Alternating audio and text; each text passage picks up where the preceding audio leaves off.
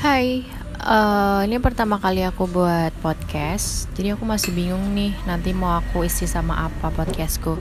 Cerita tentang kehidupan atau pengalaman Atau bahkan juga bisnis.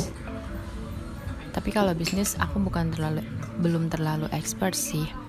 Jadi uh, masih belajar-belajar gitu.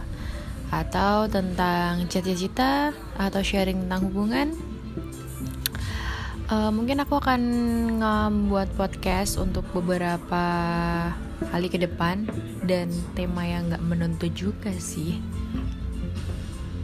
Hmm, selamat datang dan selamat mendengarkan.